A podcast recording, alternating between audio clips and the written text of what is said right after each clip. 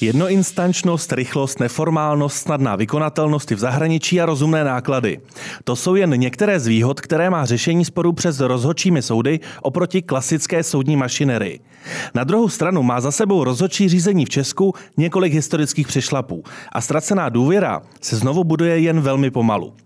Nejen o tom bude dnešní díl podcastu Právo a biznis, kam přijali pozvání Juraj Sabo, předseda rozhodčího soudu při hospodářské komoře České republiky a agrární komoře České republiky. Dobrý den. Dobrý den, děkuji za pozvání. A advokát PRK Partners Michal Sila. Dobrý den, také děkuji. Pánové, já jsem tady na úvod vyčetl výhody rozhodčího řízení, ale abychom si tu debatu správně zarámovali, tak dokázali byste v jedné, dvou větách našim posluchačům říct, koho a proč by mělo zajímat rozhodčí řízení? Pane předsedo. Já bych řekl, že pokud hledáte rychlé, dostupné, odborné a důvěryhodné diskrétní řešení vašeho sporu, tak je často lepší obrátit se na alternativu civilního eh, soudního řízení, což je rozhodčí řízení. A můžeme si později říct, proč. Michale, máte jako advokát stejný pohled? Mám stejný pohled, ale určitě bych k tomu dodal, že nemusí zajímat jenom ty účastníky toho řízení, ty strany, ale dokonce i stát samotný, protože rozhodčí řízení je příležitost pro stát, jak ulehčit svým soudům. A mám za to, že v poslední době zvlášť Česká republika toto tak nevnímá. Padlo tady slovo spory. A spory mohou mít různé podoby, od těch eh, sousedských až přes ty ohromné mezinárodní arbitráže, kdy relativně eh, nedávno eh, se uzavřela jedna velká arbitráž, ve které stát bude muset platit 15 miliard. Tudíž ten pojem, o kterém se dnes budeme bavit, nebo ten, ta typologie sporu, jaká je, pane předsedo? Budeme se bavit eh, především o obchodních sporech, o obchodní arbitráži. To, co eh, ten spor, který jste zmínil, 15 eh, miliardový je investiční arbitráž no, primárně. Ta mm, nespadá pod typické rozhodčí řízení soukromoprávní ohledně zjednodušeně řečeno pohledávek z obchodního styku nebo nějakých nároků z obchodně hm, právních vztahů. Takže já bych to zarámoval tak, že rozhodčí řízení je o majetkových sporech, převážně eh, mělo by být z obchodních vztahů. Eh, Michale, jsou spory z obchodních vztahů eh, časté v České republice? No, jsou velmi časté, ale to, co je na nich zajímavé, je to, že tam většinou hraje rozhodující roli čas. Setkal jsem se se spory, které trvají déle než 10 let a po této zkušenosti vím, že prostě za deset let, ať se soudíte o sebe větší částku, tak přestane být relevantní. Úplně zmizí důležitost toho sporu, která tady byla na začátku. V těch prvních řekneme, řekněme měsících, eh, kde, kde je skutečně nejpodstatnější eh, doba pro ty strany, kdy nejen, že jsou teda ještě zapálené do toho, že chtějí bojovat jeden s druhým, ale zároveň skutečně bojují o něco, o nějaké peníze anebo uh, o něco jiného, uh, co může být relevantní uh, ve skutečném čase. Po deseti letech to samozřejmě ta důležitost vymizí. Přesto, když se podíváme na tu běžnou lidskou mluvu, eh, tak typicky eh, mám pocit, že někoho poženu k soudu, eh, případně, že na něj podám trestní oznámení, byť se jedná o civilní agendu. Tak jak moc je rozšířené povědomí třeba mezi vašimi klienty o možnostech rozhodčího řízení? A ten dodatečný dotaz je, jak moc je vlastně chtěno a využíváno? Klienti naší kanceláře jsou většinou větší korporace eh, nebo až ty největší nadnárodní korporace a eh, tam určitě povědomí eh, o rozhodčím řízení je. Ale pravda je, že typicky na české úrovni z důvodu právě těch historických přešlapů je rozhodčí řízení vnímáno velmi zdrženlivě. A měli jsme dříve vlastně takový zvyk v kanceláři, že jsme automaticky do některých druhů smluvních ujednání a smluv zahrnovali rozhodčí doložku ke zdejšímu soudu. Mm-hmm. Nicméně časem jsme od toho ustoupili, protože jsme zjistili, že v určité době a naštěstí už je to nějakou dobu zpátky, ti klienti prostě standardně toto ustanovení škrtali. Ta rozhodčí doložka byla škrtána ze strany těch klientů právě z důvodu té nedůvěry, kterou vnímají vnímali tehdy uh, ti uh, nejen klienti, ale i, i, i širší veřejnost, uh, která, a to musím tady doplnit, uh, nevnímá rozdíl mezi uh, tou klasickou um, obchodní arbitráží nebo uh, tím uh, řízením u, u zdejšího soudu a uh, tou mezinárodní arbitráží, což je možná ještě horší, protože uh, historicky Česká republika nemá zrovna moc, eh, moc čistý, eh, čistý štít v tomto směru, takže, eh, takže tam si myslím, že to ještě přidalo k tomu, že rozhodčí řízení má určitou historickou zátěž. Jsme tady teď slyšeli vlastně řadu problémů, se kterými vy musíte jako předseda vašeho rozhodčího soudu bojovat. Který vy osobně považujete teď aktuálně za ten nejpalčivější? Je to třeba přesvědčit ty středně velké větší korporace o tom, eh, aby změnili trošku mindset a začali automaticky do smluv dávat doložku, protože je potřeba říct, že ex post se v rámci rozhodčího řízení nevyřeší nic. Že je potřeba na jeho využití myslet už eh, vlastně v rámci těch, té úvodní ano. smluvní dokumentace. Ano. Uh, máte pravdu. Ještě bych zmínil jednu historickou zátěž a to jsou spotřebitelské spory a takový ten boom ad hoc eh, rozhodčích, ad hoc kvázi rozhodčích institucí, SRO soudu, eh, rozhodců, eh, které, kteří byli ustanovováni v všeobecných obchodních podmínkách různých úvěrových institucí nebo inseřící šmejdů. A to naštěstí skončilo v roce 2016, ale jak říkal kolega, veřejnost nerozlišuje. A pokud eh, máte silnou mediální kampaň eh, proti, proti spotřebitelským sporům, pak ano, eh, ne, nějaké neúspěchy českého státu v mezinárodní arbitráži, ale i v tuzemské, a stát není připraven eh, prohrávat, tak eh, logicky eh, hledá vyníka, najde ho třeba v netransparentním řízení. Je to nej, nejjednodušší politická výmluva.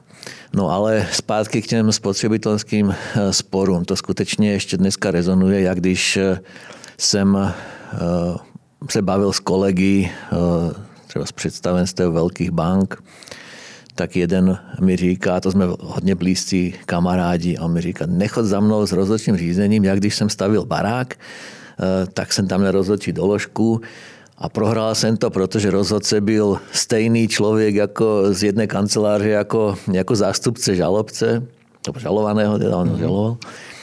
A to prostě není možné. A já jsem se ho zeptal, bylo to na našem soudu, to my tako, takovýto governance nemáme. A on odpovídá, já nevím, to je jedno, ale prostě z rozhodčím řízení za mnou nechoď. A to je ukázka toho, jak těžko se nyní přesvědčují lidé k tomu, jak se ta důvěra těžko eh, zpátky získává. Takže možná jako tu věc, ze kterou teď nejaktivněji bojujete vůbec přesvědčit tu biznesovou obec, aby začala rozdělovat ty ano. jednotlivé skupiny. Možná si pojďme říct, jestli hmm. každý za vás víte nějaký dobrý příklad, kdy skutečně to rozhodčí řízení pomohlo, abychom eh, i do toho mediálního prostoru dávali ty příklady dobré praxe a eh, nejenom ty příklady typu ano. Um, uškodil mi rozhodce u stavby domu, který prostě byl zpřátelný z druhou stranu. Protože já vím, mm. že eh, jeden ze základů u vašeho rozhodčího soudu je to, že strany si mohou skutečně vybrat ty rozhodce, u kterých obě dvě budou mít pocit, že jsou zcela nezaujatí, zcela nestraní, takže tam ta možnost je. No samozřejmě. Když jste zmiňoval v úvodu výhody rozhodčího řízení, a vlastně z našich webových stránek, tak to, to můžu určitě eh, podpořit. A jedna z těch eh, výhod je odbornost.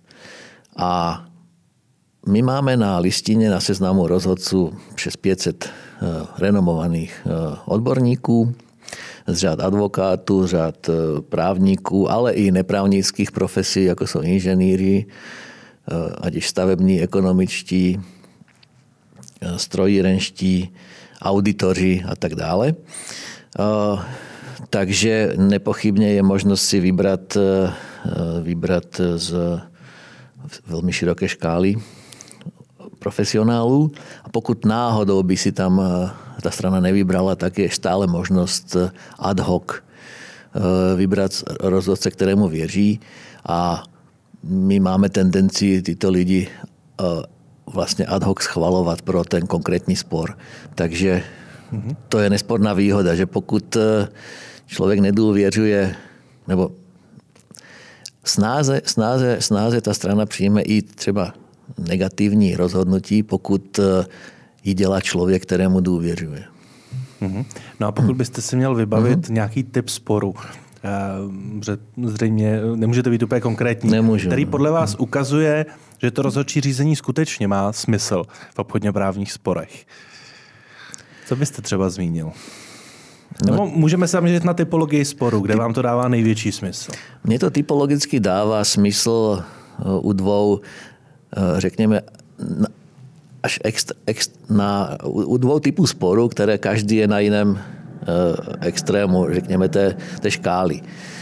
Jednak jsou to typizované pohledávkové spory, mám nějaké portfolio dodavatelsko-odběratelských vztahů, jsem velký, mám, mám velkou distribuční síť nebo řekněme uh, prodávám strojírenské výrobky nebo typicky je to, uh, jsou to výrobci a prodejci uh, nápojů, pak podporují hospody.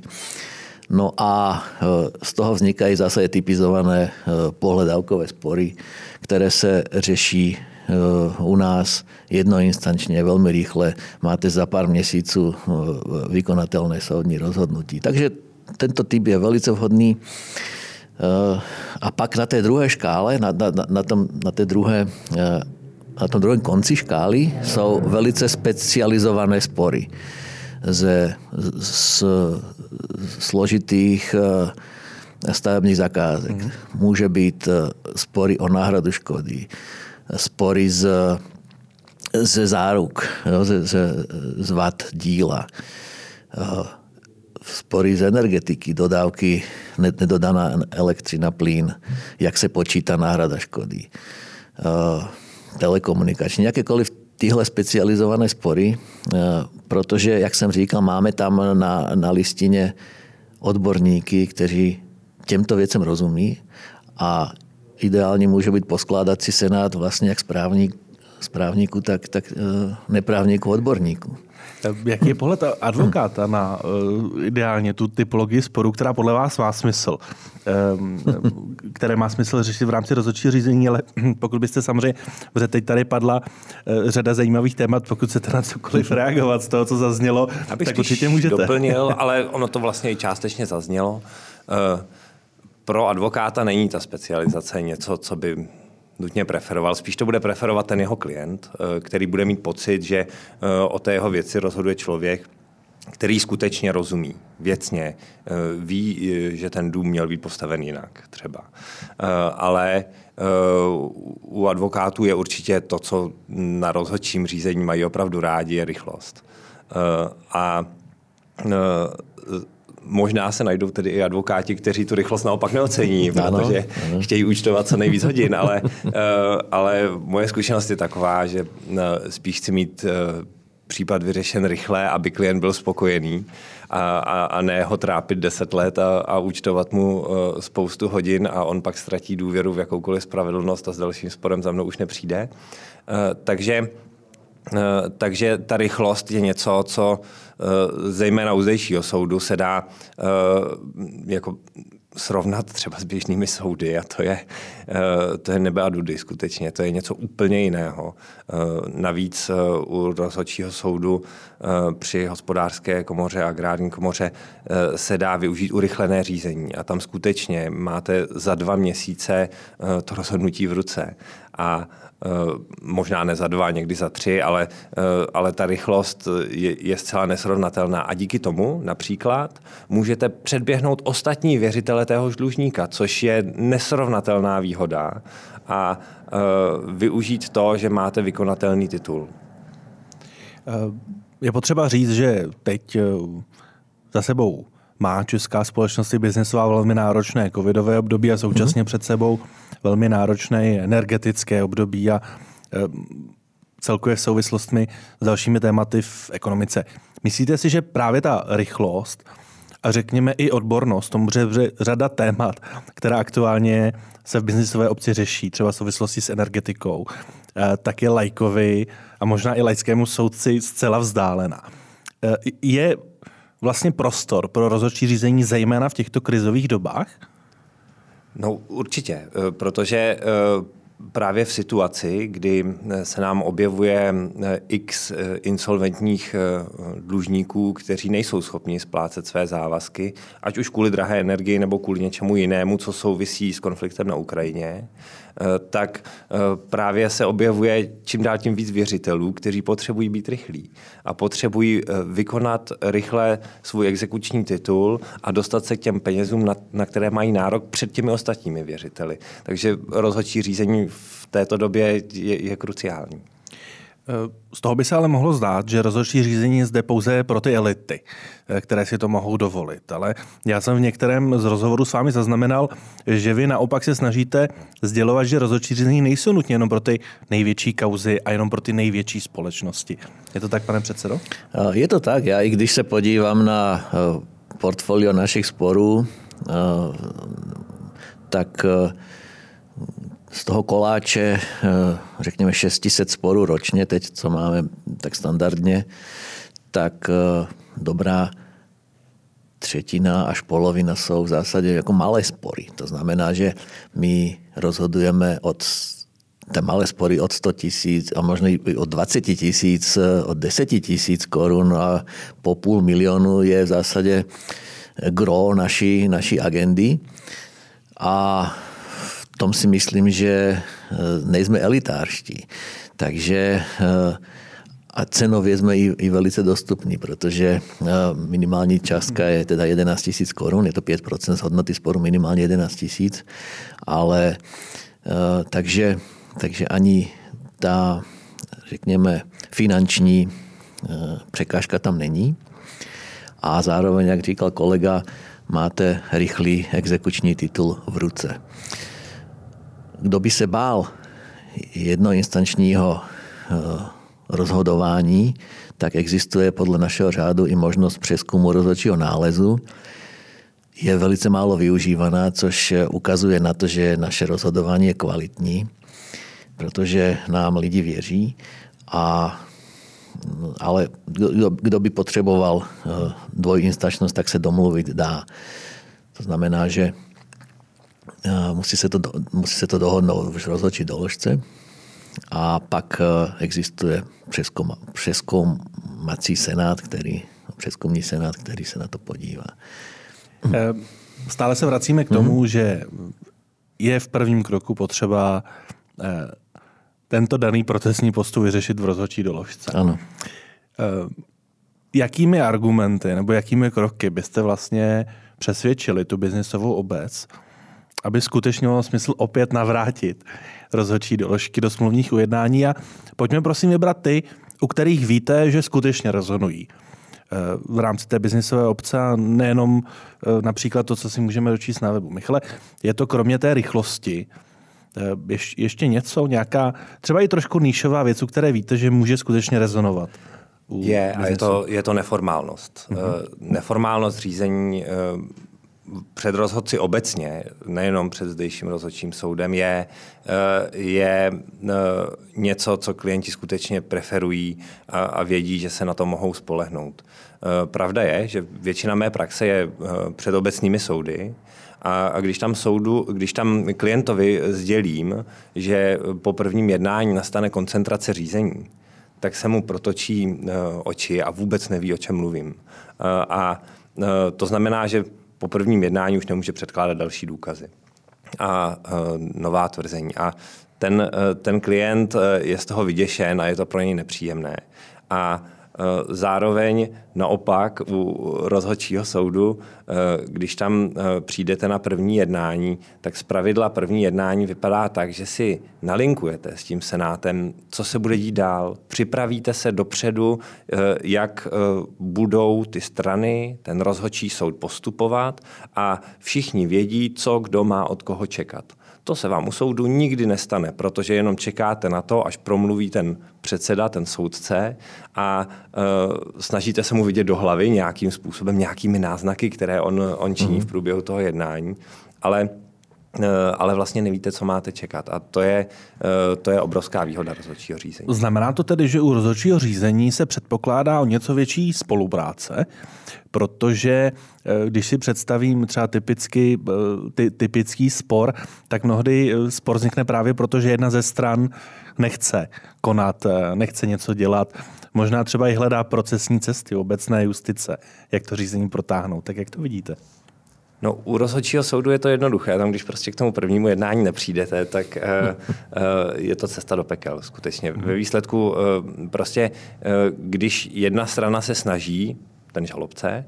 A uh, ten žalovaný uh, nejenže nepřichází na jednání, ale nevyjadřuje se k žalobě, uh, nedělá nic, ani, se nesnaží žádným způsobem bránit, tak v podstatě se dá říct, že pokud ten žalobce má schopného advokáta, tak určitě vyhraje. A, tomu žalovanému se to na konci dne hrubě nevyplatí. A já si myslím, že takhle to v každém řízení má být. Naše procesní právo, které se používá před soudy, na to to taky myslí, ale velmi formálně. A bohužel to má často naopak přesně opačné důsledky, že je někdo trestán za údajnou neaktivitu, i když aktivní byl, eh, nebo za to, že se nezúčastnil jednání, i když existoval důvod, proč se nezúčastnil. Eh, prostě soudní řízení před obecními soudy je bohužel u nás velmi formalizované a myslím si, že je to škoda, ale pravda je, že kdyby se to odformalizovalo, tak uh, nám uh, naopak uh, vznikne konkurence těm rozhodčím soudům a to by byla škoda taky. Takže možná bych to nechal tak, jak to je. Kde vidíte Já bych... prostor? Děkuji Michalovi. Já myslím, že pod to bych se podepsal, co, co říkal, ale pokud se zlepší obecná justice, proč ne? My chceme právní stát a chceme dobrou vymahatelnost práva, tak eh, pokud eh, soudy se inspirují eh, rozhodčím řízením, proč ne? V té mm, komunikaci se stranami zejména takové větší transparentnosti, neformální, neformalizované. A já se k tomu možná dostanu pak, když budu říkat, jak vidí obecná justice rozhodčí řízem, jak ho vnímá. No, ale k otázce neformálnosti. Strany mají skutečně to řízení v rukou. Což pro obchodní arbitráž je obrovská výhoda. Samozřejmě eh, chce to eh, kvalitní právní zastoupení často, protože kdo se běžně nesoudí, tak jako laik může narazit na to, že čeká, že soud ho bude vodit za ruku nebo poučovat pořád a to v obchodní arbitráži se takhle neděje, byť možná obecné soudy by si to takhle představovali. A to, toto je velká výhoda. Počínaje tím, že si volím rozhodce. Že si vlastně už, už tam nastavují určitý, určitý nějaký rámec toho, kdo o o sporu rozhoduje. A dám zapravdu i to, že senáty se snaží pak eh, domluvit nebo dohodnout si se stranami právě průběh řízení, předběžné otázky, jak vidí, jak vidí předběžně tu věc. A pak si můžou strany eh, zvážit, teda, jak doplní skutková tvrzení i dokazování, tak aby to rozhodnutí nebylo překvapivé v závěru. Jsou ještě nějaké jiné argumenty, kde vy vidíte že by mohli pomoci skutečně navrátit důvěru v to rozhodčí řízení. Je to možná flexibilnější procesní možnosti, které ale současně myslí na to, aby obě dvě strany skutečně byly chráněny.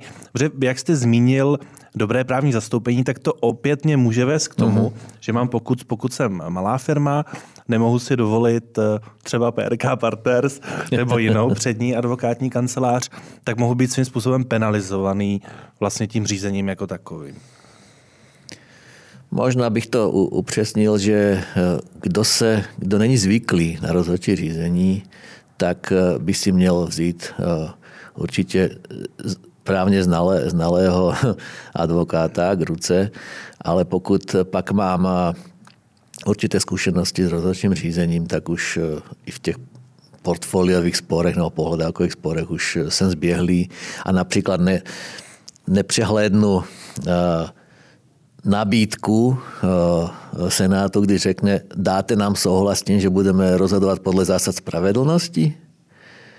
A každý si řekne, no jo, to, to je super, já chci spravedlivý, spravedlivé rozhodnutí, ale ono to má háček v tom, že pak se nemusí držet vlastně v podstatě striktně hmotného práva. Jo. Takže uh, a to jsou takové elementární, řekněme, eh, chytáky, mm-hmm takže kdo skutečně neví přesně do čeho jde, tak je, tak je dobré na ten úvod si vzít někoho, kdo mu to vysvětlí minimálně. Když jste zmínil tu obecnou justici, tady bych se nejprve zeptal eh, Michala, jestli ve své praxi jste třeba viděl, že se někdy soudy na ta rozhodčí řízení dívali trošku skrz prsty. Eh, že No, je to Asi tak, tušíte, to, kam tím směřují. To, to, to už vlastně to tady bylo nakousnuté. Eh, je to otázka těch spotřebitelských sporů rozhodnutí nejvyššího soudu z roku 2011, které negovalo ty rozhodčí doložky pro ad hoc soudy, eh, je toho krásným příkladem, ale eh, ještě je tu jeden projev a ten tedy považuji za velmi negativní i ve vztahu k tomu existujícímu rozhodčímu mm-hmm. řízení. A to je, že eh, české soudy chtějí, aby rozhodci začali poučovat ty strany. A uvažují jednoduše, říkají, Máme tady eh, zákon o rozhodčím řízení, pak ten rozhodčí soud, pokud jde o stálý rozhodčí soud, tak má nějaký svůj řád, podle toho vyjedete. Ale když něco není řešeno ani v jednom z těch předpisů, tak se použije občanský soudní řád. A to je vlastně úprava, podle které jedou normálně obecné soudy a v něm je bohužel napsáno, že se uh, ty strany mají uh, poučovat od nevidím do nevidím, což to řízení strašně formalizuje a prodlužuje. Uh, takže tato tendence mi přijde jako krajně nešťastná a je to něco, co bohužel ve výsledku způsobuje to, že jsou ty rozhodčí nálezy rušeny ze strany obecných soudů. Přesto pokud se nepletu, tak principem toho ono už není tak nové, ale toho nového občanského práva je samozřejmě, že eh, ty podnikatelské subjekty jsou z povahy věci poučenější než eh, například běžná veřejnost. No, to je hmotné právo, akorát, že procesní právo máme z 60. let vlastně doteď. Eh, sice po x změnách, ale pořád je tam ten základ z těch 60. let a, a tím samozřejmě to procesní právo strašně trpí. Vidíte to podobně? Vidím to podobně a já sám dělám rozhodce a potýkám se s, právě s, jak vyvá, s otázkou, jak vyvážit poučovací povinnost a zároveň neporušit rovnost zbraní. Protože rovnost zbraní, procesní rovnost je zásada jak civilního soudního řízení, tak rozhodčího řízení, no, jako, jakéhokoliv spravedlivého procesu. No a v té obchodní arbitráži, pokud eh, začnete moc eh, poučovat a teď jako poučíte formálně, třeba jenom, že odkazem na paragraf 118a, že poučují, že, eh, a to poučení pak formálně zní, upozorňujeme strany, že ani, ani žalobce, ani žalovaný nemusí plně uspět ve svém tvrzení, tak to je formální. No a pak, když jdete více do, do podrobností, tak můžete začít poučovat o tom, jestli unesl, skut, jestli správně jako skutkově tvrdil, nebo unesl důkazní břemeno a teď jako v čem unesl nebo neunesl, už se dostáváte na ten let. Omlám se, že vám do toho skáču, ale to současně může být skutečně velmi těžká situace pro ty rozhodce, kteří nejsou právníci. jako tato procesní pravidla dodržet. Jako je vůbec realistické v tomto ohledu mít zcela čistý proces u vás? Tak spíše my se, tak to, ta praxe je, že eh, rozhodci se spíše kloní k eh, poučovací povinnosti a dávají si na to velký pozor, takže možná poučují víc, než by bylo, než by bylo potřeba. A mně samému se stalo, že, že mi bylo vytýkáno, že moc už poučují. A tím, že já jsem spíše naladěný na, eh, na, na, na smírčí řešení, já jsem založeně spíše mediátor než, než rozhodce, tak já s tímto trošku problém mám. Ale skutečně do obchodní, čistě obchodní arbitráže žádné poučovací povinnosti nepatří. Naopak, jak říkal kolega, v úvodu je lepší udělat si, v úvodním sezení se dělá, jako, dělají se set předběžných otázek, tam je skutečně ten senát otevřený a říká, takhle to vidíme na základě toho, co jste nám předložili a budeme se zabývat těmi a těmi okruhy právních otázek a vy si už z toho vyvoďte co a jak dál. Ale už následně k žádnému poučování by nemělo mhm. docházet. Možná ještě krátce ten úvodní dotaz. Máte i vy zkušenosti s tím, že by se třeba justice eh, na rozhodčí řízení dívala trošku skrz prsty a nenutně v kontextu spotřebitelských sporů, ale třeba těch eh, jednotek kusů eh, rozhodčích řízení, které pak se přetaví i do obecné justice. Mm-hmm. Většina z nich skutečně byla z, ze spotřebitelských sporů. A pokud dneska jsou rušeny rozhodčí nálezy, a je to, jsou to jednotky kusů, možná doslova jako jeden, dva ročně, tak je to, je to víceméně z důvodu právě porušení rovnosti zbraní a zejména spoučovací povinností a pak se můžeme setkat mm, i s rušením z důvodu, eh, řekněme, střetu zájmu. Ale zejména je to ta poučovací povinnost. Musím ale eh, konstatovat a rád konstatuji, že mění se pohled České justice, zejména nejvyššího soudu, eh, na otázky rozhodčího řízení a na, na ten proces a ve směs eh, i u těch napadených nálezů rozhoduje v prospěch rozhodčího řízení. Snaží se jednoduše udržet eh, ten rozhodčí nález v platnosti, což nebývalo. Michale, nevím, vy jste tam chtěl eh, něco dodat. Vypadalo to, že to téma Střetu zájmu? Střetu zájmu, no. omlouvám se. To s vámi trošku zarezonovalo. Jakmile advokát slyší rozhodčí řízení, tak ho samozřejmě napadne otázka střetu zájmu. To je, to je automatické, je to prostě obraný mechanismus pro toho advokáta a myslím si, že je to správně. Bohužel to samozřejmě napadne i ty klienty a začínou, začnou se toho bát. A rozhodně to není tak, že by to byl jenom český problém. Není. Eh, je to problém skutečně eh, všude. Bohužel u nás je to umocněno tím, že náš trh a vlastně i trh té spravedlnosti, té justice je hrozně mm, malý. Mm. Je tu málo lidí. Eh, ono je to ve skutečnosti tak, že my všichni eh, vlastně, co se v tomto oboru pohybujeme, se vzájemně třeba přes jeden kontakt už známe.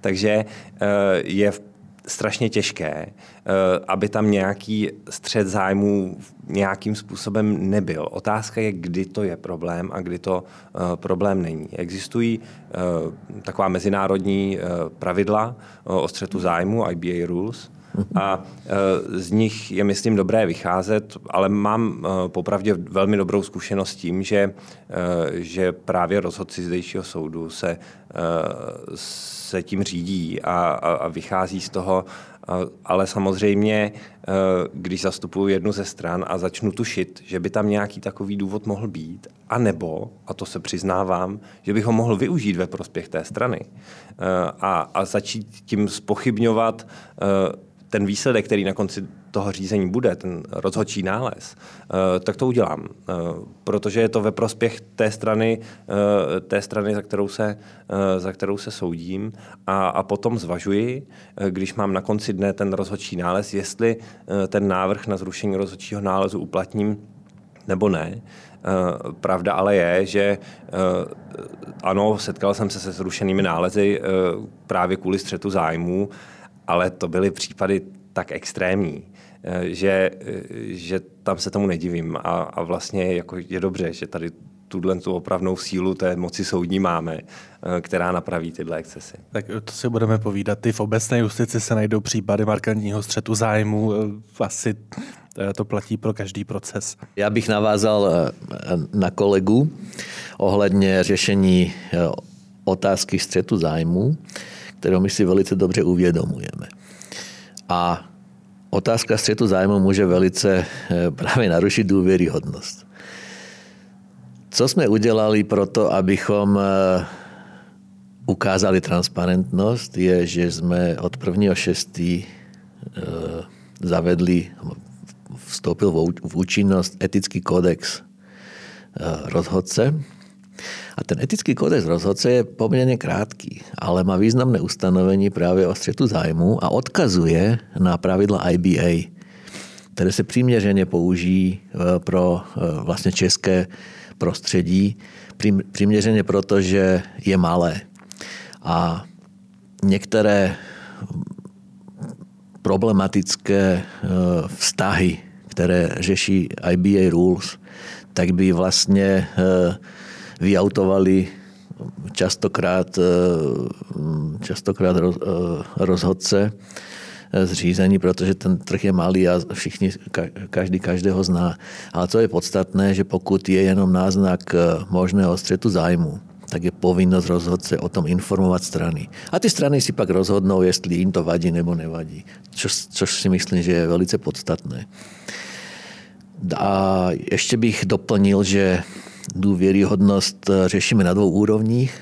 Ta druhá úroveň je institucionální a my se snažíme o transparentnost našeho eh, rozhodování uvnitř eh, naší rozhodčí instituce, jsme institucionalizovaný soud, takže počínaje řádem rozhodčího soudu, který si může každý přečíst eh, ještě předtím, než se rozhodne pro rozhodčí doložku nebo rozhodčí smlouvu u nás, tak přes statut a způsob jmenování rozhodce předsedou soudu, tak aby tam nedocházelo k nějakým úvahám o, o kmotrovství nebo někomu, že někdo jde na ruku, tak eh, tou transparentností právě jdeme proti těmto, těmto mýtům. Mm-hmm.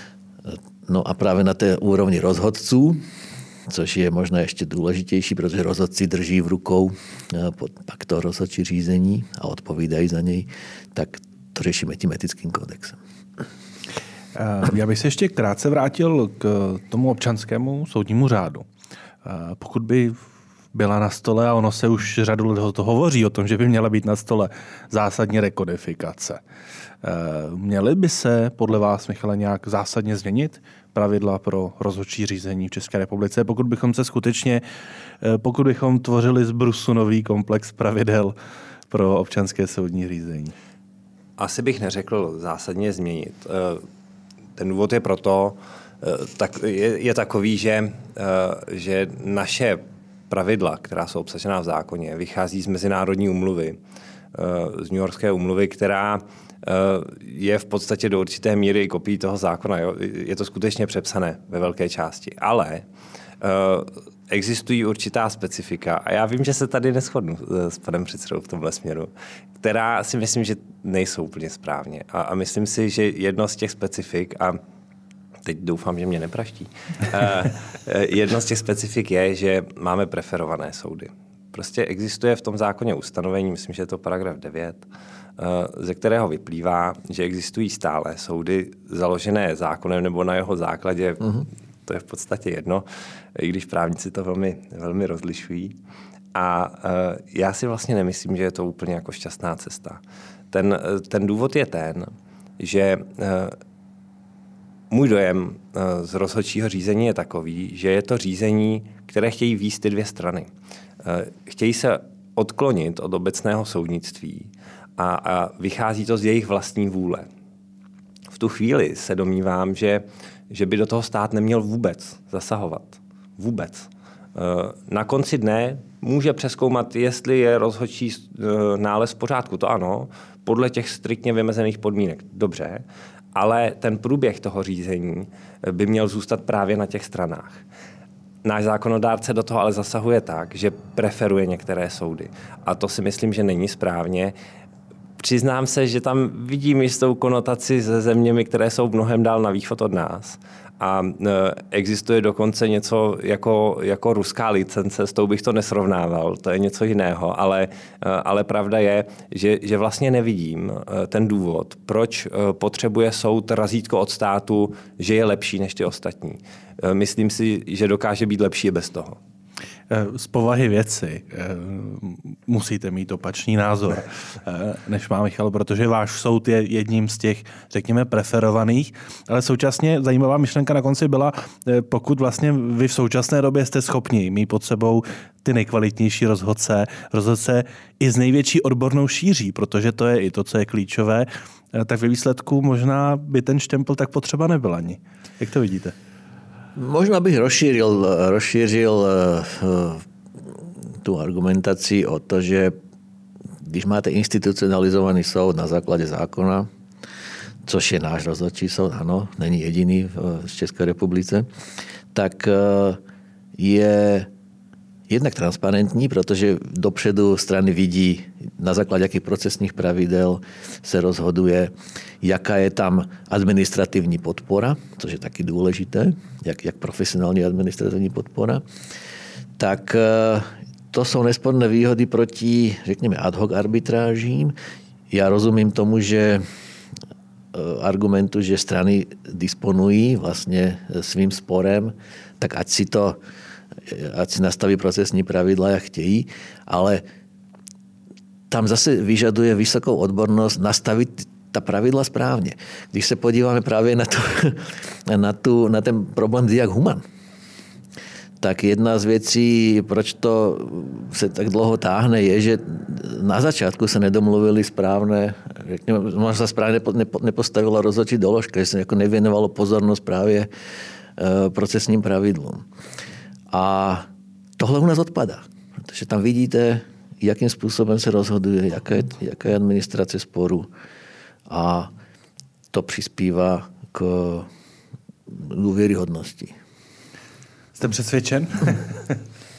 Přesvědčen nejsem, ale eh, zejména proto, že, eh, že mám to srovnání s těmi zahraničními hmm. rozhodčími soudy. Eh, nicméně musím přiznat, že když srovnám třeba právě zdejší soud s těmi zahraničními to, to, s čím za mnou chodí klienti, je, že chtějí doložku k ICC. To je nejčastější, uh, nejčastější uh, nápad z jejich strany. Tak ten rozdíl spočívá v tom, že cenová náročnost sporu u, u těch zahraničních institucí je, je úplně nesrovnatelná.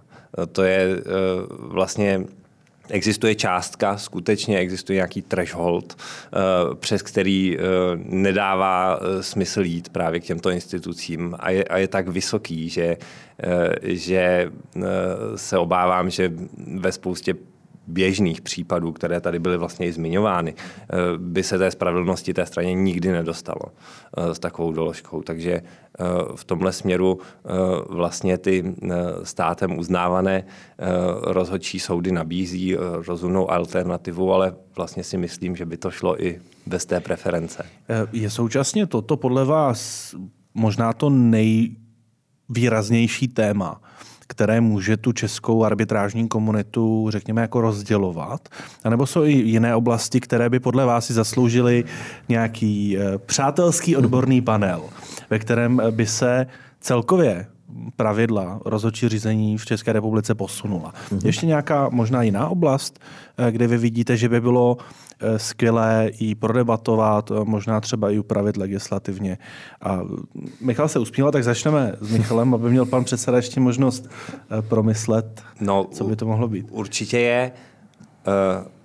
Dobře, nebudu už se vracet k tomu původnímu tématu, ale uh, ty spotřebitelské spory, které tady byly zmiňovány, uh, sice politicky asi to není prosaditelné, a přiznám se, že teď v pauze jsme se o tom chviličku bavili, jestli by eh, rozhodčí soud měl zájem eh, o, ty spotřebitelské spory. Já vlastně i ze strany těch institucionalizovaných soudů vidím, že, že se o to moc neperou, protože to je obrovská zátěž, to je náročná práce, často i s lidmi náročná, takže je těžké ta řízení vést.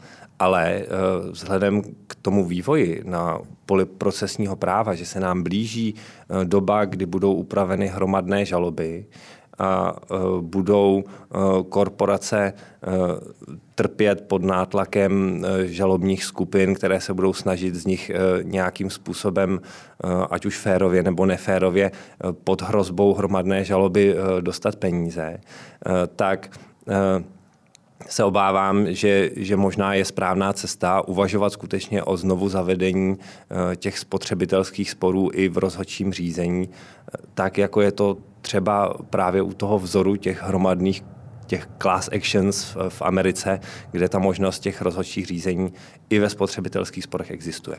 To by teda ale byl komunikačně velký oříšek eh, zavést to a současně s důvěrou. Eh, jak to vidí, a teď možná klidně se můžeme podívat na pohled Juraj Sabo jako rozhodce uh-huh. a mhm. potom Juraj Sabo jako předseda eh, rozhodčího soudu. Jestli je tam možná nějaký rozdíl? Není. a neměl by být. A já jsem byl, ale jsem stále zapsan i na listině e, rozhodců pro spotřebitelské spory. A myslím, že jeden jsem i, i, i řešil.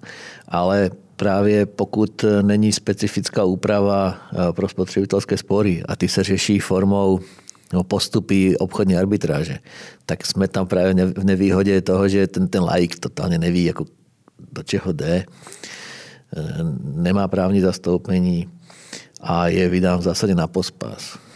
Respektive je vydán na pospas rozhodcovi nebo senátu, jestli, jestli rozhodně správně a, a tak dále. Čili za současné situace mi nedá, nedává smysl dělat, dělat eh, nebo se, se prát o, o spotřebitelské spory. A zároveň ještě jsme, jsme eh, ani neprolomili tu nedůvěry, nedůvěryhodnost která pramenila právě z boomu spotřebitelských arbitráží, takže není ani vhodná doba a ani vlastně ten procesní standard není na to nastavený. Muselo by se to hodně, hodně legislativně změnit. Tak asi tak. A z hlediska těch eh, témat, které mohou rezonovat té arbitrážní komunitě, eh, je třeba něco, eh, co může rozhodce v Česku rozdělovat a přišlo by vám fajn možná už, už to posunout mm. dál a, a vlastně dořešit?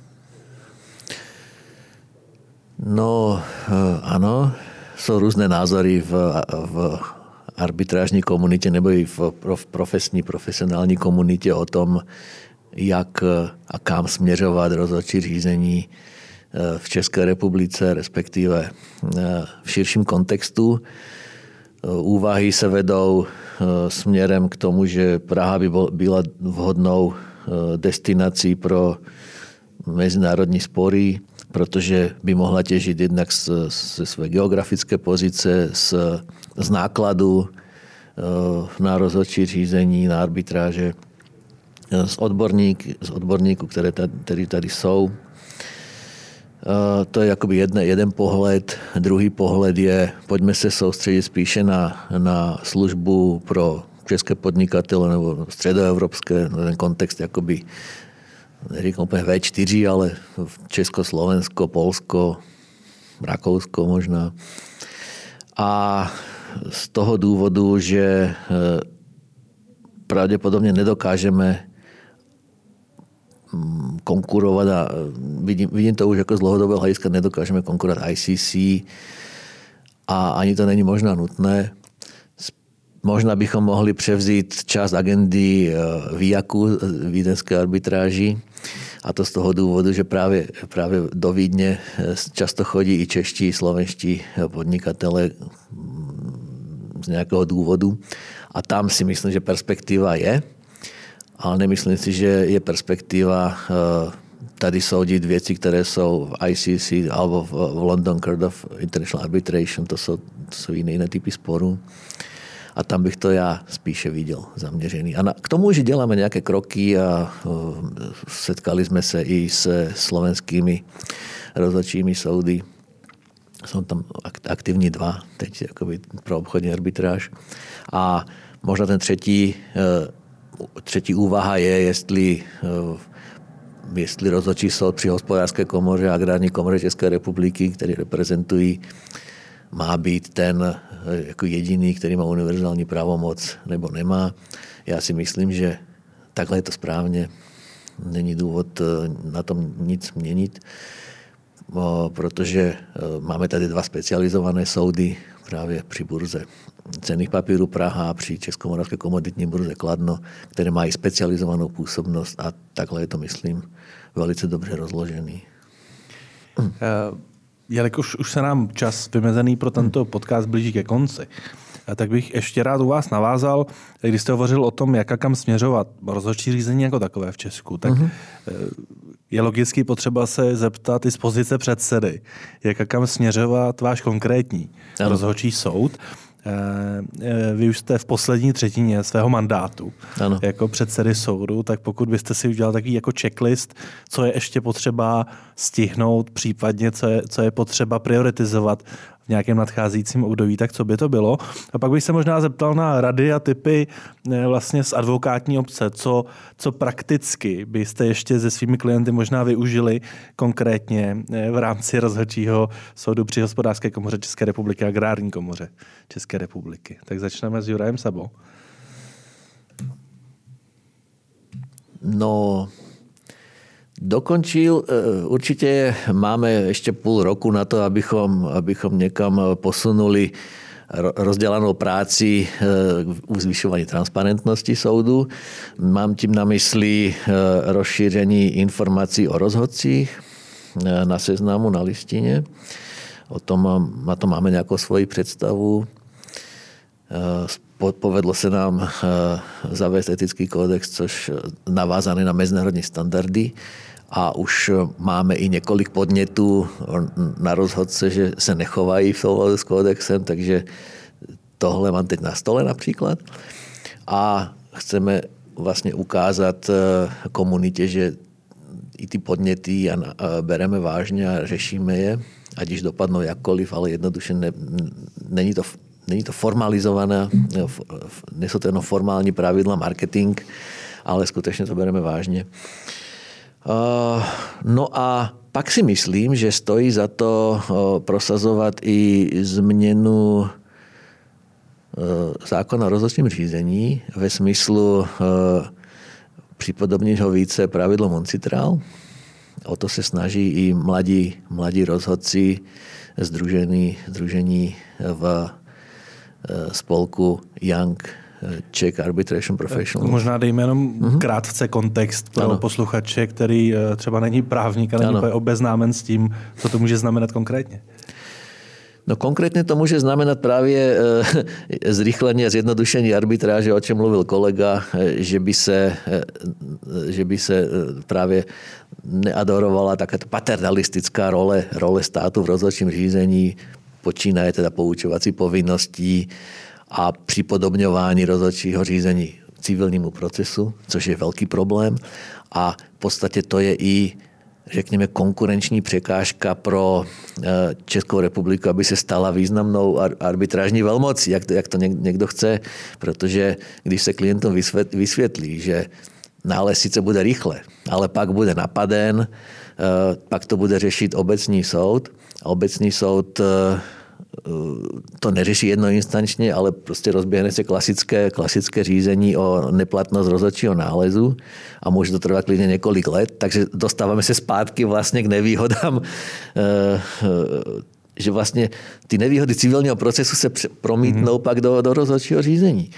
A například v Rakousku je právě eh, situace taková, že, že je tam specializovaný soud, který, který řeší jednoinstančně právě, eh, posuzuje, posuzuje eh, vlastně platnost nebo neplatnost nálezu. A to je obrovská výhoda toho trhu. Že proč, proč tam jít a i zaplatit si třeba víc, než, než jako u nás. A to si myslím, že může pomoci velmi, velmi rozhodčímu řízení. Závěrečná myšlenka od Michala Sily. Pan předseda mi to všechno vzal.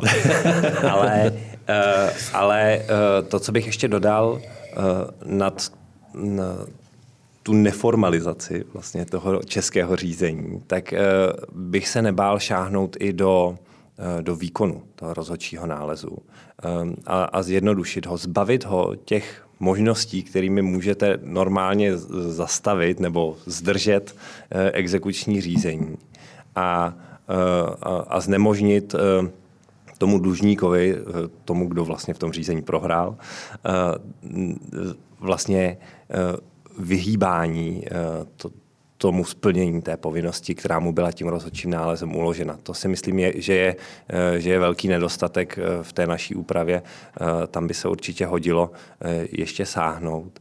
A co jsem zaznamenal, protože jsem viděl ještě jiný rozhovor s panem předsedou, tak jsem zaznamenal, že že eh, se rozhodčí řízení eh, chlubí tím, že funguje online, že je schopné, rozhodčí soudy jsou schopné skutečně rozhodovat i, i během online jednání, takže se tam všichni, všichni účastní. Dokonce se přiznám, že jsem se zúčastnil jednoho jednání, když jsem měl ze soudu a, a, a kolega si ho zapnul během toho, během toho na, na mobilu a normálně to proběhlo a, a bylo to úplně v pořádku.